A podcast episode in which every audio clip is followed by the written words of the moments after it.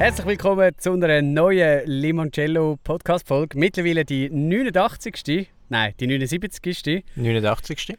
89. Mhm. Ja, nein, schon gleich. Wir sind auf jeden Fall kurz vor einem Jubiläum, kurz vor der 100, gell? ähm, so, so viel Mal, wie wir aufnehmen, wird das in ein, zwei Jahren dann so weit sein. Wenn ihr Ideen habt, was, was wir lästiges machen können, wir sind zwar schon mitten in der Planung, gell, aber dann äh, schreiben wir uns gerne. Ähm, der DJ Bobo ist schon angefragt worden. Ähm, mit mir heute leider kein Jan, aber dafür haben wir den Micha am Start. Ja, hoi, Nick. Ähm, es freut mich, dass ich dabei darf sein, Nick. Hast du mich angefragt, dass ich, dass ich äh, in dieser Folge darf dabei sein und es freut mich. Ja, sehr gut. ich habe ähm, natürlich auch ein paar Themen mitgebracht, ja. mit denen ich, äh, über die ich gerne mit dir reden Das ist sehr gut. Ich glaube, das erste Thema, wo wir darüber reden warum der Jan nicht da ist, ich glaube, er ist wieder mal in einem Lager. Ich glaube auch, ja. Äh, Im Cefi-Lager. Und zwar das mal ähm, im Cefi Regionallager. das ist ja die Antwort von der Cefi auf Pfadi, wo ich weiß nicht, ob du das mitbekommen hast, Spula gemacht hat. Hey, die, die Pfadi-Lager, die sind mir ein bisschen zu überpräsent in den Medien erschienen. Ich glaube, ja, die sind irgendwie gesponsert worden. Also, ja, logisch. Also sorry, es passiert so viel in der Welt, der Ukraine-Krieg und, und, und, Taiwan-Konflikt. Und das Einzige, was da berichtet wird, ist, dass da Pfadi-Leute drei Tage lang nicht duschen. also, also die, die Pfadi-Lager, die gehen mir so am Arsch vorbei. Das finde ich aber eine gute Sache.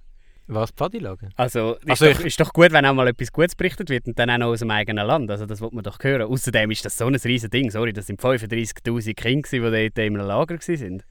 Gut, ich lese ja nicht Nachrichten, um schöne Sachen zu erfahren. Da kommt es ein bisschen darauf an. Nein, also ich lese doch nicht Nachrichten, weil ich will, Also ich weiß doch, dass die Welt schlimm ist und wenn ich die Nachrichten äh, lese, dann stelle ich mich doch darauf ein und dann will ich nicht äh, herzige Hundebabys anschauen. Ja, das Für das habe ich doch YouTube. Ja, aber das ist, also Du, du wolltest mir sagen, dass das keine Story wert ist? Ein Pfadi-Lager? Wenn, wenn, im eigenen... Dass, dass, der, dass der Pfadi ein Lager hat? Im eigenen Land 35'000 Leute zusammenkommen, die zwei Wochen lang dort äh, irgendwelches Zeug machen. Das ist sicher eine Kurzmeldung wert, aber es interessiert mich jetzt wirklich nicht, wer wie lange nicht duscht hat in diesen Lagern. okay, ja, das kann ich jetzt gar nicht verstehen. Aber ich muss sagen, ich bin ein rechter Fan also, obwohl ich ja in der Zefi bin, bin ich mhm. ein rechter Fan von dem Lager. Ja. Was der Jan da mit seinen Zefi-Leuten versucht zu kücheln, das juckt mich gar nicht. Versuch, versuchen sie es nachzumachen, oder was? Also halt ein Regionallager, das ist glaube ich irgendwie Zürich-Oberland oder was auch immer. Und der Pfadi hat auch ein Regionallager gehabt? Nein, das ist ein Bundeslager, mhm. wo die ganze Schweiz mitmacht. Und äh, die Sefi versucht das jetzt einfach nach Kanton oder was? Ich, ja, irgendwie so. Also. ja, aber ey, also, äh, Tatfacts, du musst dann, Tatfacts hören. Und dann, die haben ein eigenes Spital gehabt. Die hätten können operieren in diesem Pfadilager. Geil. Himmelarsch. Und der Sefi wollte das nachmachen und, und dann haben sie auch so die Zeitung angerufen und dann hat die Zeitung auch nicht darüber berichten. Mhm. Dann hat so der Sefi gesagt, aber wir duschen auch drei Tage lang nicht. ich habe so eine ähm, äh, 10 vor 10 geschaut mal, und mhm. dort ist eine kurze Reportage über, über, über den Pfadi? Ja. Also sie haben, glaube jeden Tag haben eine Doku gemacht, aber auf jeden Fall, ich habe nur eine kurze Folge 10 vor 10 geschaut. Und das war wirklich kurz. Gewesen. Und so, dann schaust du 10 vor 10? Ja, es hat mich interessiert. hast du eine Krawatte angehabt, als du das geschaut hast?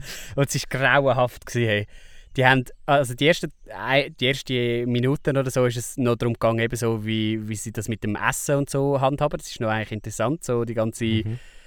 Planung. Aber nachher haben sie so die Leute äh, vorgestellt, die Zeitung machen. Und bei ja, denen ist... Haben jetzt eine tägliche Zeitung? Dort? Ja, genau. Oh. Und dort ist nur darum gegangen, dass sie auch so eine, so eine Statings äh, Oh ja, das habe ich, das habe ich auch gelesen. Stimmt. ja. Und dann sie, ist es nur um das gegangen, ja, weißt du, da können Leute können sich da daten über unsere Zeitung und so. Nachher ist der Nächste gekommen, der einfach gesagt hat, ja, ich habe dann übrigens eine Instagram-Seite gemacht, da können auch die Leute können sich daten und so. Und ich dachte, mein Gott, geht es jetzt wirklich äh, in diesem Lager nur... Sind im Pfadi nicht so 10- bis 14-Jährige? Ja, aber es gibt ja auch Leiter. Aber wie ich jetzt mitbekommen Aha. habe, haben das tatsächlich ein Kind genutzt. Gehabt. Also nicht Leiter so 17, oder? Ja, gute Idee, okay, könntest ja, auch daten. Ja. Aber ähm, naja... Okay. Eine interessante Sache. ist das so, okay. Ja. Ja gut, spannend. ja, es ist spannend. Also, ich kann ja Leute nicht verstehen, weißt du, so Zefianer, die dann finden, ja, Pfadi richtig scheiße, wir sind richtig geil. Oder äh, Zefis, die dann sagen, ja, Pfadi mega scheiße. Habe ich jetzt zweimal das gleiche gesagt. Ich äh, glaube, also... Ja. Das, das sind die, die die ohne Abzeichen nicht aus dem Haus gehen. genau. wo ihr das Hemd bis oben zugeknöpft haben. sich äh, Schwimmabzeichen aufs C4-Revier heftet. wo die Krawatte ganz eng geschnürt ist. naja. Also genauer Ablauf, was zuerst geschnürt wird, Schuhe oder, oder das Ding. Aber eben, ich muss sagen, das Lager hat, hat man schon noch champoniert. Mhm. Habe ich eine mega gemacht. coole Sache gefunden. Ähm, würde ich auch gerne mal äh, machen. So etwas. Alle 14 Jahre oder so. Ah, das ist so selten? Ja, ja. Ach so. Weil es so ein riesiges Ding ist halt. Aha, ich habe gemeint, das ist einfach jedes Jahr, was sie das machen. Nein, und wieso nein, berichtet es ausgerechnet das Jahr so, nein, so krass? Sechs Jahre in Das ist ein bisschen wie... Also gibt es Frauenfußball auch nur alle 14 Jahre. Weil das Jahr ist mega darüber berichtet worden und sonst habe ich das noch nie mitbekommen. Ich habe das Gefühl, Pfadi und Frauenfußball ist das Jahr sehr präsent. und wie erlebst du das in dem Fall nicht so positiv? Nein, also mir, mir ist es egal. Also ich lese sowieso ich lese die NZZ. und dort habe ich jetzt nicht mega viel über den Pfadi gelesen. Ja. Von dem her... Äh, Hätte mich ja gar nicht gern, wenn es mal um etwas Gutes geht in den Zeitungen. ich habe gerne, wenn es um den Tod geht. Nein, natürlich nicht. Aber weltbewegende Sachen. Ja. Wenn wir schon beim Tindern sind, äh, ich habe jetzt ähnliche Erlebnisse wie, wie all die Leute, äh, so wie auch du, äh, die auf Tinder unterwegs sind. Ich bin nicht. Ich bin ja, im Moment ja nicht, aber man sieht ja gleich. Und zwar bin ich jetzt auf Wohnungssuche. wow. Und ähm, es gibt ja so für, für Leute, die Wohnung suchen, gibt es äh, so Apps wie zum Beispiel Homegate. Mhm. Das ist eigentlich so das Tinder von, von der Wohnungen. äh, und da bin ich jetzt unterwegs und ich muss sagen, es macht nicht so Spaß. es ist mega mühsam, weil irgendwie so, man, man, sieht dann so eine coole Wohnung und nachher malt man sich schon wieder so aus, ah, das wäre ein geil und so, tut man sich intensiv mit der Wohnung befassen, tut halt Bilder anschauen und denkt, ja, wir könnten schon zusammenpassen und so und nachher schreibt man dann, dann mal. Dann die Wohnung nicht über. Genau, und nachher trifft man mal sich so auf ein erstes Date, geht mal vorbeischauen und nachher äh, schreiben dann die, ja, hast du Wohnung nicht. Ich glaube, wir haben den Gag langsam verstanden, da Tinder Homegate. musst, musst jetzt nicht nach... ich finde es ein schönes Bild. ja, ja, aber ich glaube, wir haben das Bild verstanden. ja, ja es ist ich bin, ich bin ja... Gestern bin ich beim Geburtstagsfestli von einer Kollegin eingeladen gewesen. Und mhm. die hat eben einen handgeschriebenen Brief geschrieben für ihre Wege. Mhm. Vielleicht muss man mal so versuchen, dass dass du die Wohnung bekommst. Vielleicht muss ich es mal so versuchen. Ja gut, wenn die ihre, ihre hohen Formular wollen, ich meine, die schreiben ja schon auch von Hand. ja, aber denk, äh, wieso, also so, weißt du, eine Bewerbung geschrieben? Ja, vielleicht. Ja, es ist einmal mühsam. Bin, ähm, die erste Wohnung, die ich bin anschauen, da hat so, dort sind wir nur irgendwie so zu fünften oder so. Ich habe dort schon gedacht, oh, jetzt sind aber noch viele Leute, die ich anschauen Fünf sind nicht viel. Eben, ja, hat sich dann irgendwann ausgestellt. Und dann es hatte so einen Opa und so eine junge Frau. Und die junge Frau, die, also die war so in unserem Alter, gewesen, mhm. und die hat sich so richtig versucht, ich glaube, die hat, die hat auch schon mehrere Wohnungen angeschaut, weil die hat sich richtig gut Zeit gegeben. Die ist die ganze Zeit so zu, zu dem Mann, der die Wohnung halt noch, noch gehört, der mhm. hat uns ja das gezeigt, der hat immer so gesagt, gesagt schicke Frisur. Dann sie ist mega so, oh, oh, das ist aber lässig da, das ist ja noch ein Einbauschrank. Oh, das macht ja, Spaß und so. Badzimmer, mm. oh, das ist Lavabo. Ja. Oh. du, das ist aber, äh, haben die renoviert, frisch und so. Und er hat gesagt, no, keine Ahnung und so. Ja, mach mal, das geht ziemlich gut. und ich bin bei, oh, ein Balkon, ein Balkon. Und so. Hat sie noch wollen zeigen, dass sie, wie sagt man das, wenn man, wenn man finanziell flüssig ist? Gibt doch einen Begriff dafür. Ah, liquid. hat sie das noch wollen zeigen, hat sie gesagt, ich verdiene ja jeden Monat den gleichen Betrag an Geld und der kommt auch sicher äh, auf mein Konto. Das heisst, ich könnte die Wohnung auch zahlen. ist ja gar, gar kein Problem für mich. Ja, ich habe es eben noch lustig gefunden, weil... Das macht mir auch Spass. Der Typ, der uns die Wohnung gezeigt hat, dem ist doch scheißegal, wer es am Schluss bekommt. Weißt du, der hat uns einfach so ein Formular in die Hand gedruckt und am Schluss regelt das ja der Vermieter. Aha, ja, stimmt, der ist nur angestellt dort. Also nein, das ist dem, der die Wohnung vorher gehört hat. Der muss sie jetzt aha, halt einfach uns zeigen. Aha, mhm. Aber das ist dem ja so scheißegal. Und nachher bin ich mit dem, mit dem Opa zusammen bin ich in die Garage, also in den Keller runter, weil es hat noch so ein Kellerabteil gehabt. Mhm. Das hat dann die junge Dame nicht wollen. Die war noch oben wirklich noch mit dem Backofen beschäftigt und so. Ähm, und, wir, und wir sind dann runtergegangen und nachher hat so der alte Mann so in den Arm genommen, äh, dem, der die Wohnung gehört, und mhm. hat so gesagt, ganz ehrlich, ich nehme die Wohnung. nachher der andere so gesagt, ja, musst du Formular ausfüllen. Und nachher der Opa hat so angeschaut und dann einfach angefangen zu lachen. und so, ja, ich nehme die Wohnung. das ist so herzig. Dann haben die miteinander so ein bisschen gespässelt und so. Und ich glaube, die haben sich ein bisschen missverstanden. das war cool. Gewesen. Aber ja, ich habe sie einmal nicht wählen. Mhm. Gerade beim Gleis. Gewesen. Und äh, eine andere Wohnung, wo ich, ähm, wo ich auf Home geht, habe ich gesehen, es hat mega schlechte Bilder drin gehabt, weißt, so mega verpixelt und so. Und dann habe ich mir natürlich gedacht, aha, wenn es so verpixelt ist, dann werden wahrscheinlich die wenigsten Leute denken, das ist irgendetwas Mhm. und kommen nicht. Und das ist meine Chance, dann schnappe ich mir die Wohnung. Mhm. Dann bin ich dort hingekommen und es hat etwa 50 Leute gehabt, die draußen gewartet haben. Oh, Ich ja, habe gedacht, ich spinne. Dann musste ich zuerst mal müssen 10 Minuten anstehen, bis ich mal rauf durfte. Mhm. Und nachher, äh, zum wieder rauskommen, hat man auch wieder müssen anstehen, weil man irgendwo hat müssen so Kontaktsachen angeben und so. Das Formular mitnehmen. Ja, das war so schade. Äh, die, die Wohnung wäre so geil. Und, und dann Aber habe ich mich vielleicht- gefragt, woher denn die Leute kommen. Und da hat sich eben herausgestellt, die ist auch noch auf einer anderen Webseite natürlich äh, Mhm. ausgeschrieben. gewesen. Dort hat es richtige Bilder gehabt. Ja, das hat mich recht gefreut. Ich habe gedacht, jetzt habe ich... Jetzt habe ich äh, Aber jetzt kannst du ja trotzdem versuchen. Ja, ja, habe ich natürlich. Ja, es ist jetzt, wie es ist, gell. Einmal Also, noch keine. also du hast noch keine. Nö, Du bist noch ein bisschen am Wind weitersuchen in dem Fall. genau. Noch ein bisschen. Okay. Ja, sehr spannend. Du, Mhm. wir kommen ja gerade zurück vom Stand-Up-Paddeln. Mhm. Vielleicht kann man noch schnell äh, erzählen, wieso wir das gemacht haben. Wir, wir sind ja nicht zum Spaß Stand-Up-Paddeln, Sind wir nicht? sondern wir haben ja momentan eine Fitness-Challenge am Laufen. Ach so, ja. Nein, also wir, wir, haben, wir sind natürlich schon zum Spaß Stand-Up-Paddeln. Aber Das habe ich irgendwie, irgendwie den Bogen müssen. Auf jeden Fall, wir haben eine Fitness-Challenge am Laufen. Es sind du, dann der Jan und dann noch Taki. Die haben Mhm. wir auch schon mal in einem Podcast gehört. Und dann ich. Und zwar immer, wenn wir Sport machen, müssen wir ein Selfie davon machen und Mhm. dann in den Chat schicken. Und der, der am Schluss am wenigsten Bilder hineingeschickt hat, der muss dann den anderen ein gutes Nachtessen spendieren. Am Ende von zwei Monaten. Richtig. Und äh, heute sind wir jetzt gerade ein bisschen Stand-Up paddeln und haben noch ein bisschen Sport auf dem Stand-Up paddel gemacht. Man merkt, wir arbeiten viel mit denen zu Nachtessen. Nur schon bei, beim Catch-Me-Spiel, wenn wir Fangen spielen, dann ist, äh, ist auch am Schluss immer das Nachtessen drin. Ist aber auch eine coole Sache irgendwie. Ja, finde ich auch. Weil da kommt man einmal zusammen und hat, hat den Plausch Ja, miteinander. richtig. Und ich bin letztens im Fitness gewesen. Und ähm, da, also um da einen, einen schönen Punkt wieder zu machen. und dann hat es so ein paar Junge gehabt, also zwei. Zwei so, wie alt sind die? gewesen? Etwa 17 oder so. Mhm. Und einer ist so ein bisschen, so einer mit Brille, so recht dünn. Und so, hat ein bisschen ausgesehen wie der Günther Jauch in Jung. Und dann hat es noch so einen Kollegen von ihm gegeben. Und der hat ihn richtig wollen anspornen. Der, der, hat so ein bisschen, der ist jetzt auch nicht viel breiter oder so, aber der hat so ein bisschen da, als wäre er rausgekommen. und dann hat der eine so, irgendwie es hat so Beipress gegeben, wo du so mit dem Bein musst Gewicht schieben Mhm. und dann hat er, hat er die ganze Zeit gesa- so, hat er so gesagt, du schaffst das, du schaffst das, komm schon, los. Und dann ist der andere halt nochmal aufs Ding gegangen und hat, der hat halt schon nicht mehr mögen. Dann hat er zehnmal müssen, äh, halt die Beipresse schieben. Mhm. Und der andere hat richtig angefangen rumzuschreien. Schreien hat er gesagt, los, los, du schaffst es, mach nein! so, aber der hat so rumgeschrien, das ganze Fitness. Ist- ich habe es aber so witzig gefunden.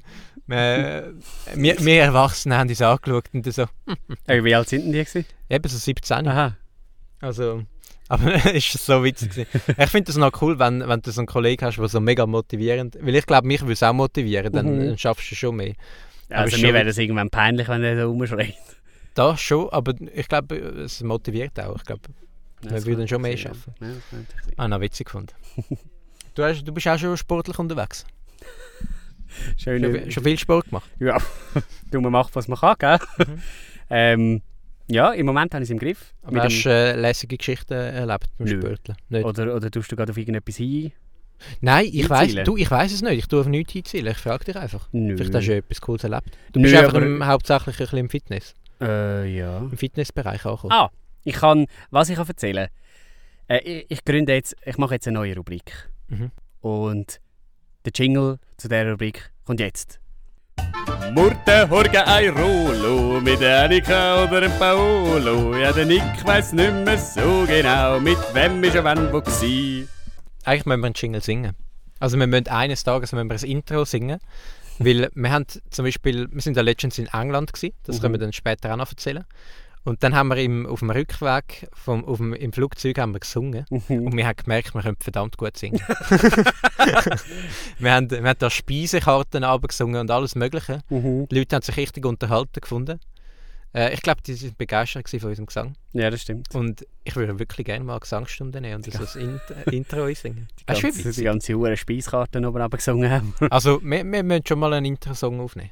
Ja, finde ich Bist, gut. bist du dabei? Ja, das ist doch gut. Ist gut, wir tun uns mal so eine Gesangsstunde, eine Lektion nehmen und dann tun wir nachher Was? Ja, vielleicht lernen wir noch etwas. Naja, Das ist doch geil. sich da alles Neues, äh, Neues machen. Und dann, dann tun wir einen Song einsingen. Auf jeden Fall, dein Jingle. Genau, der, also der ist ja jetzt schon durch. Genau. Aber ähm, auf jeden Fall, meine Rubrik heisst, der Nick weiss nicht, wann er mit wem wo war. Mhm. Du magst dich erinnern, in der vorletzten Folge habe ich ja erzählt, dass ich mal in einer anderen Folge erzählt habe, ich sei am Brienzersee gsi und meine Freundin mir nachher eine Sprachnachricht gemacht hat, wir sind dann übrigens am Murtensee gsi, nicht am Brienzersee. Aber ganz ehrlich, das juckt doch eh niemand. Also, ob du am Mutter oder Ja, ja Brienzersee ist, das kennt ja kein Mensch. Auf jeden also, Fall, weil mein Vater halt immer sagt, ich, ich, weiss nicht, mit wem ich wann wo Ja. ja. bin. So. Äh, und nachdem er die Folge gelost hat, mein Vater, die vorletzte, ist dann, ist dann auch gerade wieder eine Sprachnachricht gekommen. Aha. Und, dann, und wir haben dort darüber geredet, ähm, so von Österreich, dass ich dort mal um den Bodensee gefahren bin mit dem Velo und sonst noch nie in Österreich war. Hässig. Richtig hässig. Ja, das äh, verstehe Also ich in natürlich. Wien natürlich. Ich bin überhaupt noch nie in Österreich. Gewesen. Ah doch, äh, es gibt ja den See, der, wie heißt der Bodensee? Dort bin ich mal rundum und der ist ja teilweise auch in Österreich. Na gut, dann bin ich ja schon mal in Österreich gewesen. Dann hat mir mein Vater eine Sprachnachricht geschickt und gesagt, Monsieur, wir sind schon hundertmal in Österreich Aha, hast du gesagt, du bist erst einmal in Österreich Ja. gewesen, oder was? Aha. Ähm, genau, das ist meine neue kleine Rubrik. Ich habe da jetzt ganz viele Leute im Rücken, die an mich äh, Fact checken, ob das wirklich stimmt, was ich da erzähle. Ich habe ja vorhin gesagt, das interessiert ja niemand Mhm. mit dem Ding. Weil, also wahrscheinlich interessiert es einfach mich nicht. Also, weil bei mir gibt es so zwei Themen. Wenn einer mir sagt, er ist in Brienz oder irgend so etwas gewesen, eine Ortschaft, die ich halt nicht kenne, dann schalte ich automatisch aus. ja. Oder wenn, wenn mir irgendjemand einen Weg erklärt oder so. Wenn er sagt, ja, weißt du, wir sind da rechts, hinten, links und bla bla bla. Mhm. Sobald das anfängt, bin ich weg. also mit dem Kopf. Sobald mir irgendjemand richtig erklärt, Ja, du bist aber auch schlecht in so Sachen. ja, aber so Sachen, da habe ich irgendwie Interesse einfach nicht. Aber es gibt aber auch Leute, die in ihren Geschichten viel zu viele Informationen bringen, die gar nicht Mhm. wichtig sind. Mhm. Ich habe so einen Kollegen. Wenn der eine Geschichte anfängt, dann sagt er so, ja, wir sind gestern, nein, warte, wann war es jetzt? gewesen? Vorgestern. Vorgestern. Das spielt gar keine Rolle. Ja, das spielt überhaupt keine Rolle. Aber ich, ich tue mega gerne, wenn, wenn wir irgendeinen Newsletter haben, dann kann ich in dem Geschäft darf ich den einmal ein bisschen abkürzen, so Mhm. Füllwörter streichen und so. Mhm. Ich liebe das. Ich würde es so gerne, wenn irgendjemand eine Geschichte erzählt, das teilweise auch machen, so im Nachhinein so Ja. Kritik geben. Also ich mache es natürlich nicht, weil das irgendwie dann ein bisschen arrogant wäre so. Aber ich will so gerne gewissen Leuten sagen, schau, das, das und das kannst du streichen. Das sind Mhm. reine Floskeln. Das, das und das, das ist einfach nicht nötig für Geschichte. Äh, Komprimier es auf zwei Minuten, dann musst du nämlich auch nicht 15 Minuten durchschnurren. also Ja. vor allem halt in so grossen Gruppen, wenn, wenn halt jeder mal sollte ein reden, dann gibt es so zwei, drei, die halt einfach immer durchschnurren. ja. Nicht jetzt wie bei mir, äh, bei uns im Podcast, da müssen wir ja viel reden. Aber wenn so in grossen Gruppen, da kann man vieles streichen. Absolut. Ich würde Ja. gerne Leute schnell auf die Seite nehmen und sagen, schau, das und das weg, das nächste Mal. Und ein bisschen komprimieren. Oder so, also völlig, we- wenn man die Leute ja nicht einmal kennt. Irgendwie so bin ich in der Mittag- Mittagspause mit dem Lehrling und dem Stift und äh, der Chef. Warte, ist der Chef auch dabei? Ich bin gar nicht Und das sicher. ist der Reto. Ja. Niemand weiß, wer der Reto ist. Und der hat seine Freundin hat er noch dabei gehabt, die auch schon mal gekommen ist, vor drei Wochen auch mit uns essen und äh, die war dann auch die gewesen und so. Man denkt sich so, meine Güte, Kommt zum Punkt. noch zum Punkt. Oder Leute, wo, die tun mir immer ein bisschen leid, wenn, wenn du so in einer Gruppe bist und nachher redet einer nur mit dir Mhm. und dann kommst kommst nicht mehr von dem weg. Und eigentlich willst du mit der ganzen Gruppe reden, aber der, der, der päckelt, Ja. päckelt einem so und tut einem irgendwie so von, von der Gruppe Du weg. hörst sogar, die andere Gruppe hat ein richtig spannendes Thema Ja, am Laufen genau. und du willst eigentlich mitlosen. Oder bist am Voll. Anfang sogar noch dabei gewesen. Ja, Da, das ist mühsam, das kann kann ich auch ich. nicht gerne, aber ich kann denen nämlich nicht sagen, du, äh, ich will gerne mit der grossen Gruppe mit. Ich glaube, ich habe das Gefühl, bei mir merkt man es einmal schon teilweise, aber irgendwie die Personen merken es dann aber doch nicht. aber gleich nicht. Ja. Weil wenn, dann, also, wenn du immer zu der Gruppe schaust und dann immer so schnell, ja, ja, Mhm. mhm, mhm, und so. Ich habe einmal das Gefühl, eigentlich ist es offensichtlich. Ja, eigentlich schon. Ich frage mich auch, Ob wir ich das, auch machen. Ja, genau. Ob ich das auch schon mal gemacht habe und, und nicht gemerkt habe, dass ich da jetzt jemanden von der Gruppe wegdränge. Ich habe das früher sicher schon oft gemacht. ich weiß nicht, ob ich es heutzutage noch mache. Naja, Aber ich bin in der grossen Gruppe bin ich eigentlich häufiger einfach ähm, so ein bisschen dabei und sage ab und zu mal etwas, aber ja, nein, ich weiß Bist du ein bisschen dabei? Du mal ein bisschen schauen. Ich weiß auch nicht. Ich hoffe, ich mache es nicht. Ja, wenn wir noch ganz kurz von England erzählen. Ja, genau, du bist in England. gewesen. Also wir zwei, meine Wir sind zusammen nach England geflogen. Du Mhm. bist ja deine Freundin besuchen. Genau, Sprachaufenthalt macht sie. Wir sind äh, vier Tage sind wir dort gewesen, Freitag bis Montag. Und was war dein Ziel, gewesen, wenn wir das auch noch schnell... Also ich habe eine Kollegin getroffen, die ich aus Athen kenne. Mhm. Und dann bin ich einfach mit der zu Nacht essen. Richtig. Aber ich habe ich ha nicht recht gewusst, haben wir abgemacht, damit wir die Stadt anschauen. Aber anscheinend haben wir einfach abgemacht, um zu Nacht essen. äh, wir haben es eben nicht klar definiert. Und ich bin am Wochenende, also eben, ich bin halt mit ihr zu Nacht essen zum Beispiel. Oder ich bin, ich bin in einem Kino gewesen. Mhm. In einem, das ist so geil, ein, Klassiker, ein Kino, das Klassikerfilm zeigt. Auf 35 mm. Das ist so, geil, ja. dann bin ich go Alien schauen, Mhm. von 1979 glaube ich. Ah, ja, noch nicht gesehen. Ich muss sagen, ich hätte ihn glaube ich, ein bisschen langweilig gefunden, hätte ich ihn daheim auf dem Fernsehen geschaut, aber das Kino war einfach voll und so die geile Atmosphäre, das ist schon Mhm. geil. Das und dann ein Impro-Comedy-Auftritt habe ich zum Beispiel angeschaut. Ich muss sagen, ich habe, habe Frieden geschlossen mit London. Ich bin jetzt nicht mega Fan von der Stadt und Mhm. mittlerweile bin ich Fan davon, weil alle Leute mega friedlich und cool und Ja. nett und Entertainment äh, Ich habe das so lustig gefunden. Ich habe ja als klares Ziel, gehabt, eben sie zu besuchen. Mhm. Aber bei dir hat es immer so geheißen, ja, ich kenne das einen, vielleicht sieht man sich und so. Und dann, wir sind dort hingeflogen am Abend, also am Freitagabend. Mhm. Und du hast im Flug noch so gefunden, wir haben noch nichts abgemacht, nein, keine Ahnung und so. Ja, habe aber ich gedacht, bin da hey, das spontan. Könnte, das könnte ich Ich bin nie. da spontan. Und nachher hast du ja auch sie nur zum Nacht getroffen und bist der Rest einfach so in eigener Regie am umeinander äh, laufen und so. Mhm. Das könnte ich nie. Also ist jetzt nicht so, dass man nur eine Stunde irgendwie zu Nacht gegessen hat und dann bin Ja, ich wieder heimgegangen. Schon äh, länger geworden. Aber ja, also ich kann, ich muss sagen, ich habe mich jetzt nicht mega gefreut auf England. Weil ich, ähm, ich wo, wo ich das abgemacht habe mit dir, dass ich nach England gehe, mhm. dort habe ich mich irgendwie noch dar- darauf gefreut, gehabt, weil ähm, es ist halt noch nicht so lange her, gewesen, seit ich sie das letzte Mal gesehen habe. Mhm. Und irgendwann habe ich sie dann schon so lange halt nicht mehr. Also, wir haben nicht hin und her geschrieben die ganze Zeit, darum habe ich dann irgendwie gar nicht mehr so Lust gehabt, um sie überhaupt zu treffen und habe Mhm. gedacht, eigentlich wäre es auch chillig, wenn ich ein bisschen alleine rumhänge, zwei Tage. Darum habe ich es nicht so schlimm gefunden. Ja. Ja, finde ich Ich habe cool. es noch geil gefunden. Aber ich muss auch sagen, also sowohl London wie Brighton, ich bin ja vor allem in Brighton, gewesen, ist mir also sehr sympathisch. Mhm. Ich, ich liebe den Dialekt, von so, also so den, den British Accent. Ich Mhm. habe das so, ich, kann, ich könnte denen Stunden zuhören. ich könnte denen Stunden zuhören, weil das ist so sympathisch. Und die Leute, auch alle, es sind einfach alle nett gewesen. Mhm. Also fühlst du dich ja wohler als in Zürich. Gut, das ist auch nicht schwierig, aber, aber gleich. Aber ich denke mir immer, Großstädte, die sind ja immer ein bisschen unsympathisch, weil es Mhm. so ein bisschen komische Leute teilweise hat. Aber in England, also in London, niemand komisch. Alle sind so lieb. Das ist so krass. Es war wahnsinnig. Gewesen. Und in der U-Bahn, die Leute sind teilweise so miteinander am Reden, was ich in der Schweiz überhaupt nicht gesehen Mhm. Gut, das, das, in der Schweiz hat es halt immer die Viererabteil, aber in, also, dann hat einer ein Kätzchen dabei, also eine hat ein, so ein Babykätzchen dabei und alle gehen streicheln und sagen, oh, how old is she? Und, aber mega viele sind am Reden miteinander, fast niemand hat Kopfhörer drin. Ich Mhm. finde es noch cool. Mhm. Ja, es ist, ist herrlich so Mhm. etwas. Wirklich herrlich. Ich muss also auch sagen, und gegessen, lecker haben wir gegessen. Also, ich habe natürlich ein Best of Brighton können machen, weil sie ja schon, dort ist sie schon acht Wochen da gewesen Mhm. und hat halt alles schon ein bisschen erlebt. Dann hat sie mit mir ein Best of gemacht und es war einfach nur geil gewesen alles. Und das Essen, wir haben ja gegessen, wir haben so eine Tea Time gemacht. Mhm. Wo da, das sind ja irgendwie so, kommst ein Ding über, wo so dreistöckig ist. Und da hat süßes, salziges und glaube ich irgendein System dahinter.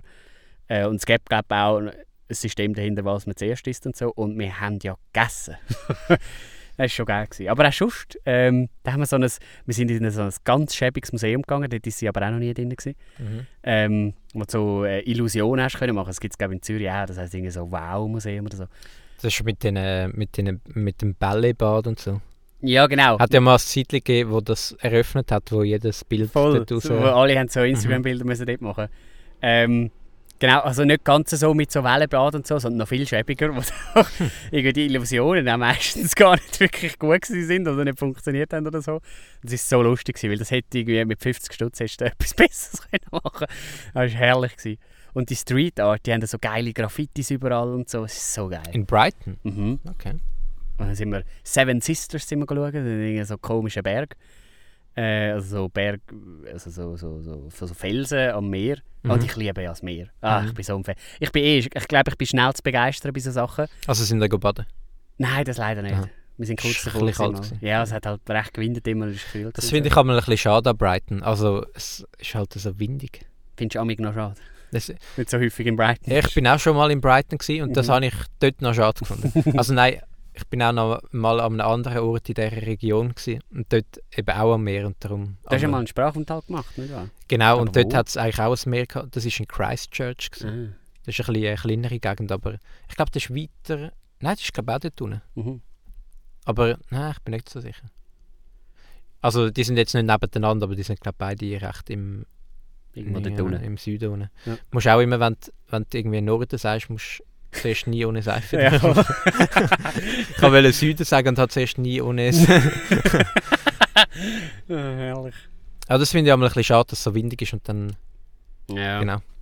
Ja, aber aber so. London ist heiß gewesen, muss ich sagen. Das ist ja eine von der heißesten Regionen. Ich, mu ich muss sagen, ich habe gar nicht gewusst, wo London genau liegt auf der englischen Karte. Mhm. bis ich dann dort mal geschaut habe, dann habe ich noch spannend gefunden. Ich habe mir so eine, ich habe so eine englische Zeitung kaufen, habe ich mir so eine fette Zeitung gekauft Mhm. und dort ist so darauf gestanden, in welchen Regionen in England zum heißesten ist Ja. und London ist dort hoch dabei. Ah ja. Ist in der roten Zone Ding. Mhm.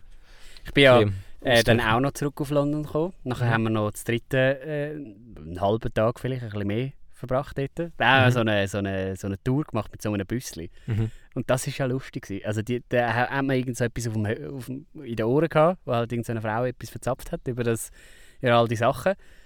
Und es hat einfach alles, alles, was irgendwo in London steht, was sie erwähnt hat, irgendetwas mit der Queen zu tun oder mit irgendeinem König. Also wenn irgendein König irgendwo mal in Wind gefurzt hat, dann haben sie gefunden, jetzt muss da eine Brücke gehen oder irgendein Monument oder was auch immer. Die Queen hat äh, am Töchterli zum 11. Geburtstag eine Brücke geschenkt. Ja, Der Big Ben ist nach dem Prinz Andrew benannt. das ist einfach alles. Aha. Alles, was irgendwie gehabt hat, hat irgendetwas noch mit dem zu tun gehabt. Oder mit dem Zweiten Weltkrieg. Oder da noch irgendein Mhm. Monument angestellt. Aber sonst, Aber die feiern das auch, die Engländer. ja, dass, die geilen alles sich so die, auf. Also, wenn, wenn jetzt da in der Schweiz plötzlich eine Queen würde kommen, dann würden sich alle aufregen, aber die Engländer finden das geil. ja, ich das finde es irgendwie auch noch herzig. ist irgendwie Kultur. So. Mhm. Also, sind ja auch alle so sympathisch. Mhm. Und dann, dann findet es das halt geil, dass da irgendwie so eine 103-Jährige noch rumsitzt und, und schon seit weiß nicht wie viele Jahren äh, sagt, was lang geht, obwohl sie eigentlich glaub, nicht so viel sagen Die kommen eben, also die Queen hat Geburtstag gehabt letztens und Mhm. dann haben die alle frei bekommen und dann ist so eine Parade gewesen, dann haben die gefeiert.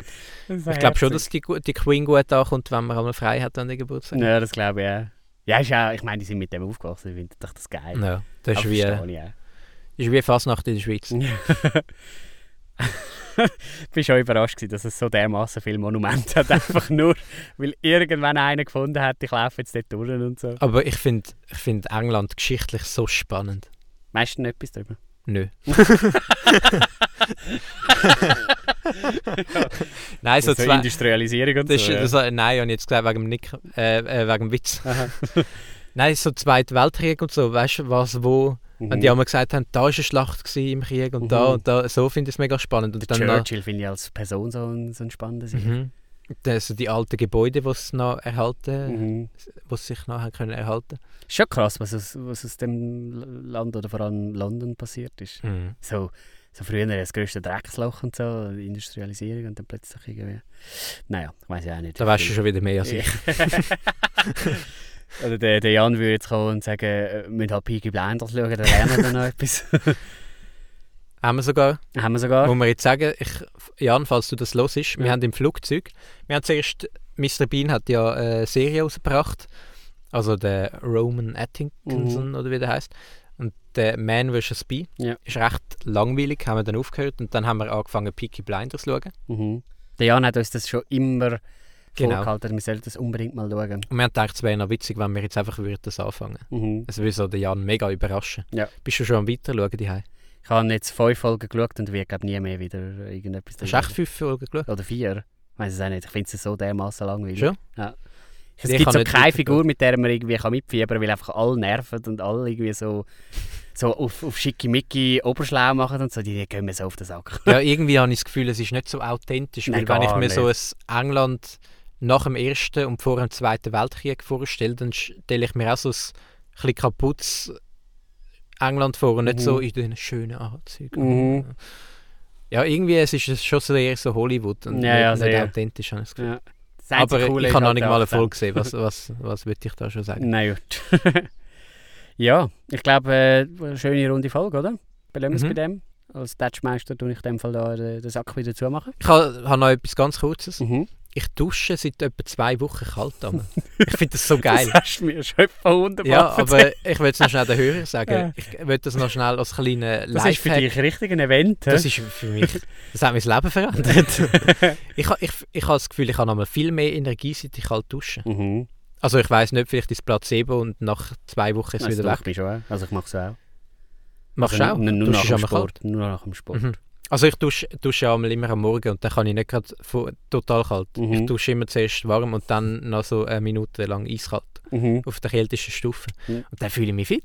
Das ist wunderbar. also ich würde das wirklich, also ist ein ganz simpler Tipp, aber dass man allen auf den Weg gehen. Mhm. Ich sage dann in zwei Wochen, ob es immer noch so ist oder ob es einfach so Placebo. Vielleicht wäre ich einfach generell fit gewesen. Ja. Mal schauen. Apropos Dusche und Badwanne und so weiter muss jetzt gleich auch noch schnell.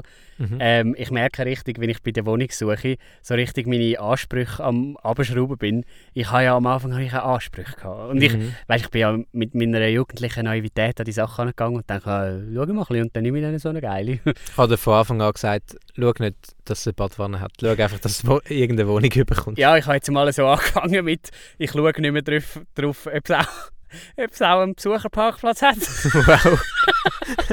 weißt du, so, so Zeug. Und da bin ich immer mehr am Abschrauben. Kannst du schon froh sein, wenn du einen eigenen Parkplatz hast. Ja, also was, was ich mir sicher nicht will lassen, ist ein Geschirrspüler. Den muss mhm. ich haben.